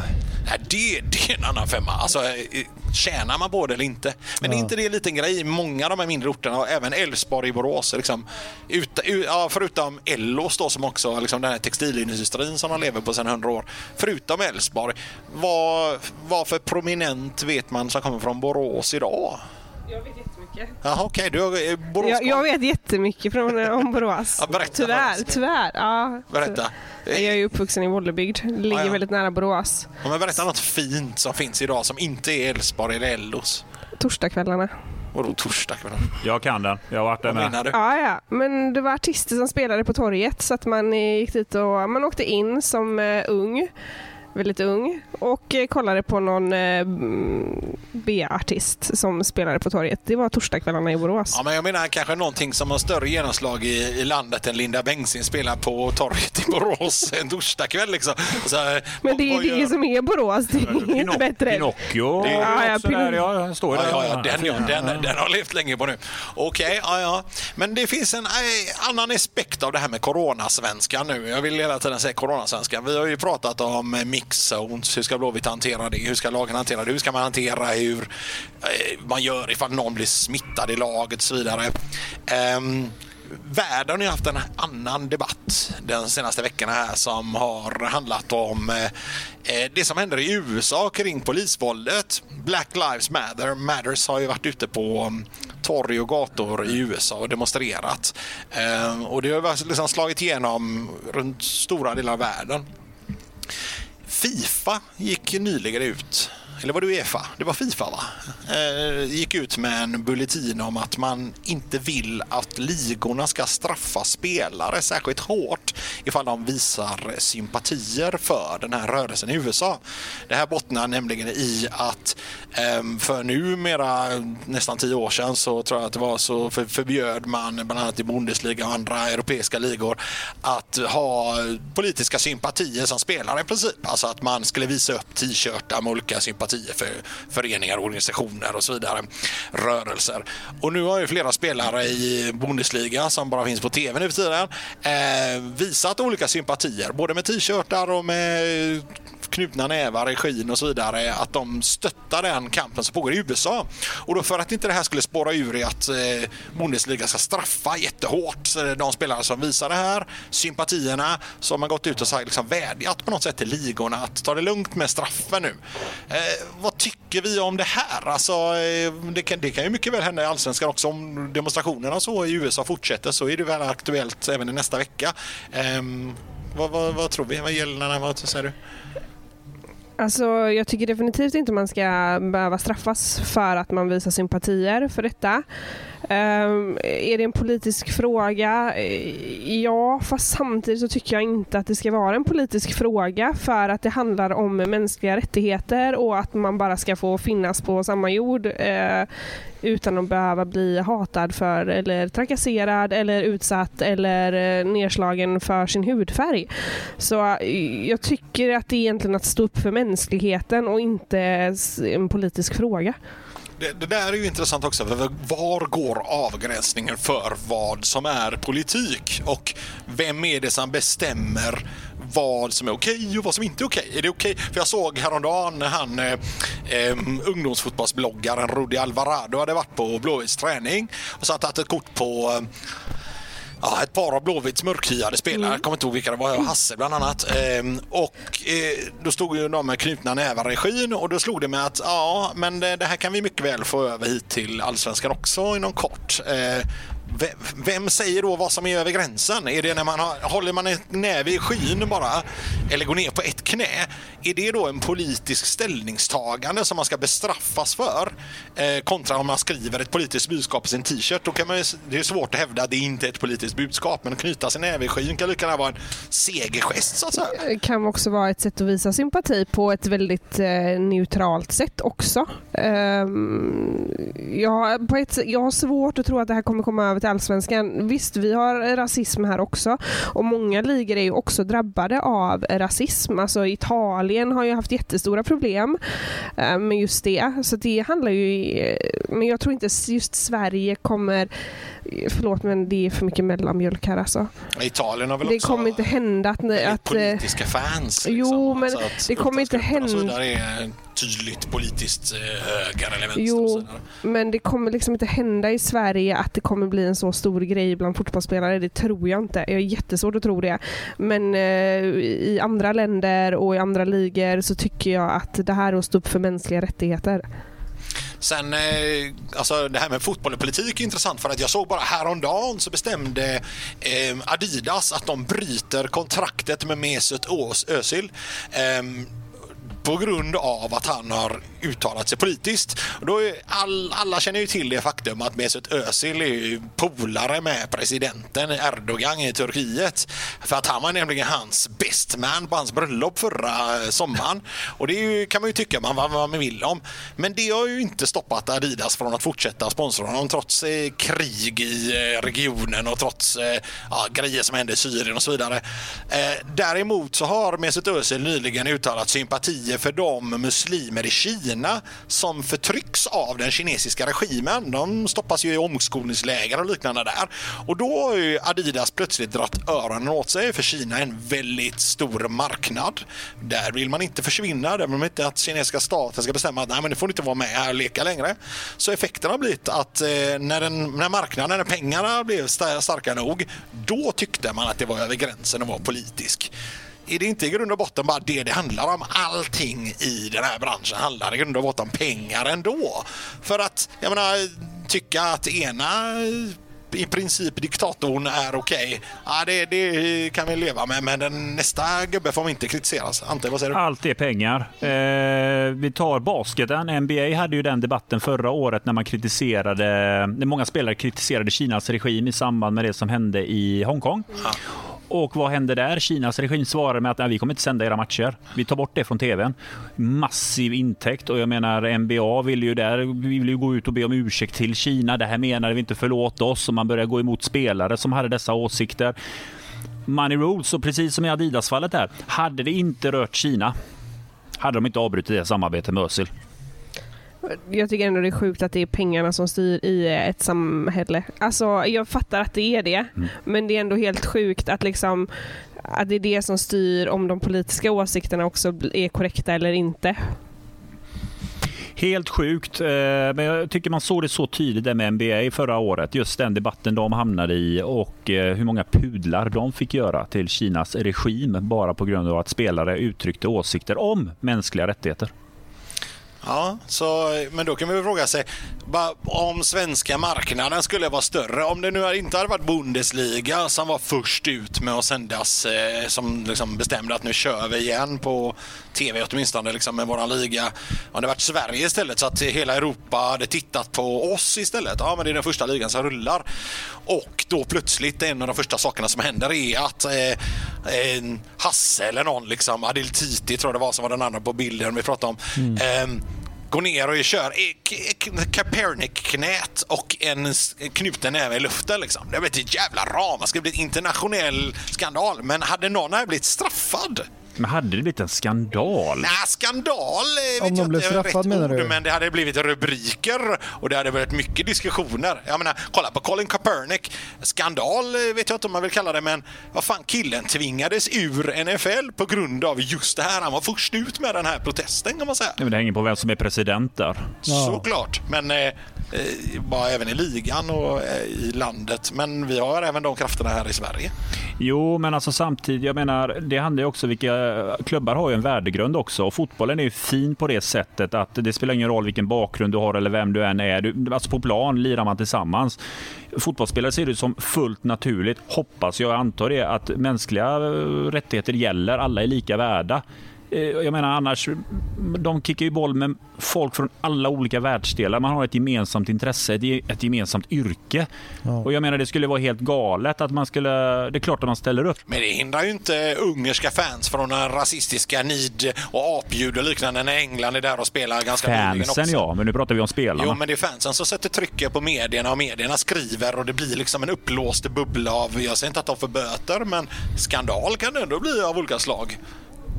Det kan ju finnas människor som eh, skulle se det som eh, provocerande eh, att man tillåter den typen av politiska aktioner. Men då måste man också komma ihåg att fotboll är politik i många hänseenden. För att jag menar, en fotboll utan politik tror jag inte inte överlever för det är så mycket med bidrag och anslag och det är planhyror, det är kommunala planer, det är kommunala bolag som äger arenor och så vidare och så vidare och så vidare. Så att det, det blir svårt att hävda att fotboll och politik inte hör ihop för det gör de.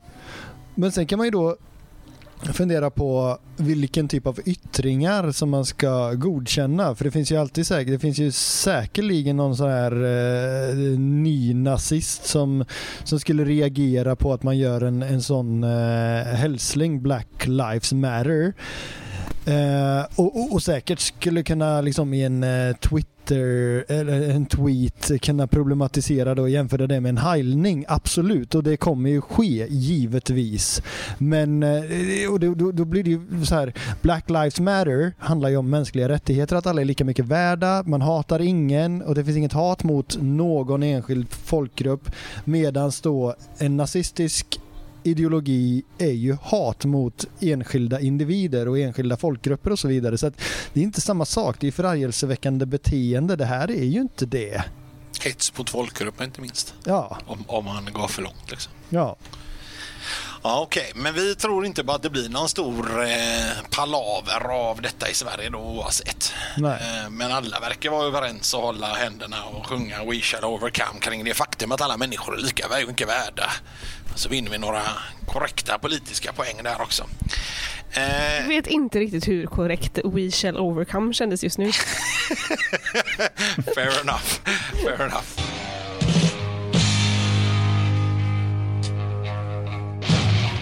Vad, vad, tror vi om eh, den allsvenska uppstarten idag? Om vi bara återgår till det och knyter säcken lite grann. Eh, inte bara Elfsborg utan eh, alltså Blåvitts match mot Elfsborg utan överlag. Hur blir det här känslan? Eh, Tony, vad säger du? Superintressant ändå om jag ska bygga en hype kring det här. Jag, jag kommer ju följa speciellt AIKs tre matcher. De har bra tuffa matcher direkt. Örebro borta, förlorade förra året mot Örebro. Sen väntar Norrköping och sen är det match mot Hammarby. AIK byter spelfilosofi. De ska gå från tråkiga Gnaget som ändå förvisso vann guld nyligen till att man ska spela Atalanta-fotboll. Eh, och för de som inte vet vad Atalanta-fotboll handlar om är det bland annat att eh, alla ska kunna driva boll, en back ska kunna vara uppe i anfallet, en back ska kunna vara som en mittfältare. Därav att Per Karlsson kanske numera blir petad, han har inte den känslan med fötterna. Men ge det tre omgångar. Eh, förlorar de till de tre första, då är det inte smekmånad längre för det här nya spelsystemet och jag kommer följa det här mycket just hur stort är fansens tålamod till att man ska byta nytt spelsystem med egentligen samma material man hade förra året. Förvisso spelare som säger att man ska spela på ett annat sätt. Superintressant. Tre tuffa matcher direkt. Kan absolut påverka hela säsongen för AIK. Och det snackar vi process. Alltså att börja spela som Atalanta gör det ju inte i en handvändning. Här snackar vi ett lag som eh, jag menar riskerar att komma 7, 8, 9 om de helt plötsligt ska börja... Tippar du Gnagit nia? Om de ska gå över till en Atla Atalanta-fotboll, ja. Absolut. Okay. För då ska mittbackarna helt plötsligt gå upp och vara playmakers och avsluta anfall och Henok Goitom ska springa hem och spela mittback helt plötsligt. Det ser jag inte. Apropå lära gamla hundar att sitta. Ja. Eller extra domare Goitom. Som...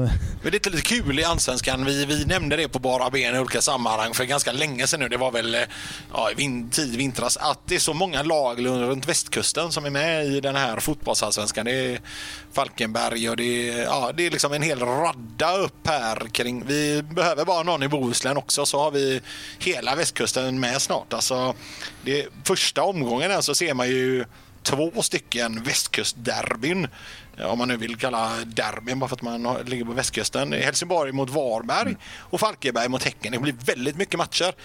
Så det skulle kunna bli en stor Blåvitt här som reste upp och ner för västkusten i sommar. Nu blir det ju inte det. Nu blir det bara matcher för tomma läktare. Eh, blir det helt värdelöst då med de här sketlagen, Varberg och Falkenberg med eller har vi någon nytta av det ändå? Vi möter ju flera av dem ju tidigt med. Nej, men jag, jag, ser det eh, ur ett holistiskt perspektiv som eh, alltså det är gräslag och tomma läktare och det tänker jag missgynnar Stockholmslagen. Eh, fram, framförallt då konstgräs eller plastlagen. Djurgården, Hammarby. Jag menar åka till Mjällby som förvisso inte är på västkusten, det är jag väl medveten om. Men åka till Falkenberg, eh, Varberg och det är eh, gräs och antagligen långt gräs. Det är tomt på läktarna. Det det... Snubben som skulle klippa gräset är permitterad. Ja, exakt. Ja, eller bara sket i det eller blev tillsagd att inte klippa. Jag tror, eh, jag, jag, tror att det är bra eh, just i år. Och i ett annat år hade det varit helt fantastiskt att bara kunna liksom åka Öresundståget upp och ner. Det hade varit fint. Rent ekonomiskt kanon att vi har så många lag i västkusten. Det blir inga dyra bortaresor och det är så gött att Sundsvall åkte ur. Ah, slippa den där eh, hemska långa resan och skippa de där hotellnätterna. kan ju vara så. Det är bra att med så många lag så nära. Drar ju ner på kostnaderna. Snart det är bra. stänger vi Norrlandsfönstret. Ja, det gör vi. De håller på med bandy där uppe. Jelena, vad säger du? Tomt på läktarna. Massvis av lag längs västkusten. Fan, hade det inte varit gött att få åka runt här i sommar och... Det hade varit jävligt Semestra gött. efter spelschemat. Ja, liksom. men det hade varit helt fantastiskt. Men... Ehm... Alltså det blir en intressant säsong. Det, det blir det. Eh, på många sätt. Dels eh, ett annorlunda spelschema, ingen publik, det hade ju varit en eh, fantastisk sommar. Å andra sidan hade det kunnat vara en eh, väldigt regnig, kall och blåsig sommar längs västkusten. så att, eh, ja, eh, kan vara skönt att slippa. Å andra sidan eh, så tänk... Det är så gött att varje gång vi spelar in den här podden så slutar vi på en sån här riktig depp-note. allt, nej, allt är skit. nej, men ja, fast det är ju skit att inte kunna gå på matcherna. Det är det ju. Sant. Sen så är ju alla lag i samma situation och det kommer ju bli som sagt en väldigt intressant säsong. Och jag tror att vissa lag kommer hantera det här bättre än andra lag. Alltså tomma läktare, resor och så vidare. Så Vad tippar du Blåvitt någonstans i tabellen då när Sexa. säsongen är Sexa. Mm. Ja, det är lite ungefär där vad jag har trott att de ska hamna. Mm. framåt. De gubbarna här har ju trott på stortåg. Eh, då börjar vi och slutar den här säsongen med att eh, vara både glada och missnöjda åt Coronasvenskan. Eh, vi har konstaterat idag att eh, med tanke på siffrorna så är det här eh, guld på väg för att vi har eh, genomsnittssiffra och tidigare säsongresultat som pekar mot fantastiska härliga tider för Blåvitt. Vi vill också skicka ett härligt litet tack till Haket på Första Långgatan som har varit så gentila att de har gett oss utrymme att sitta och spela in denna podd en eh, tidig sommarkväll som denna. Nu får vi se. Kör hårt Blåvitt mot SM-guld så hörs vi snart igen. Bye.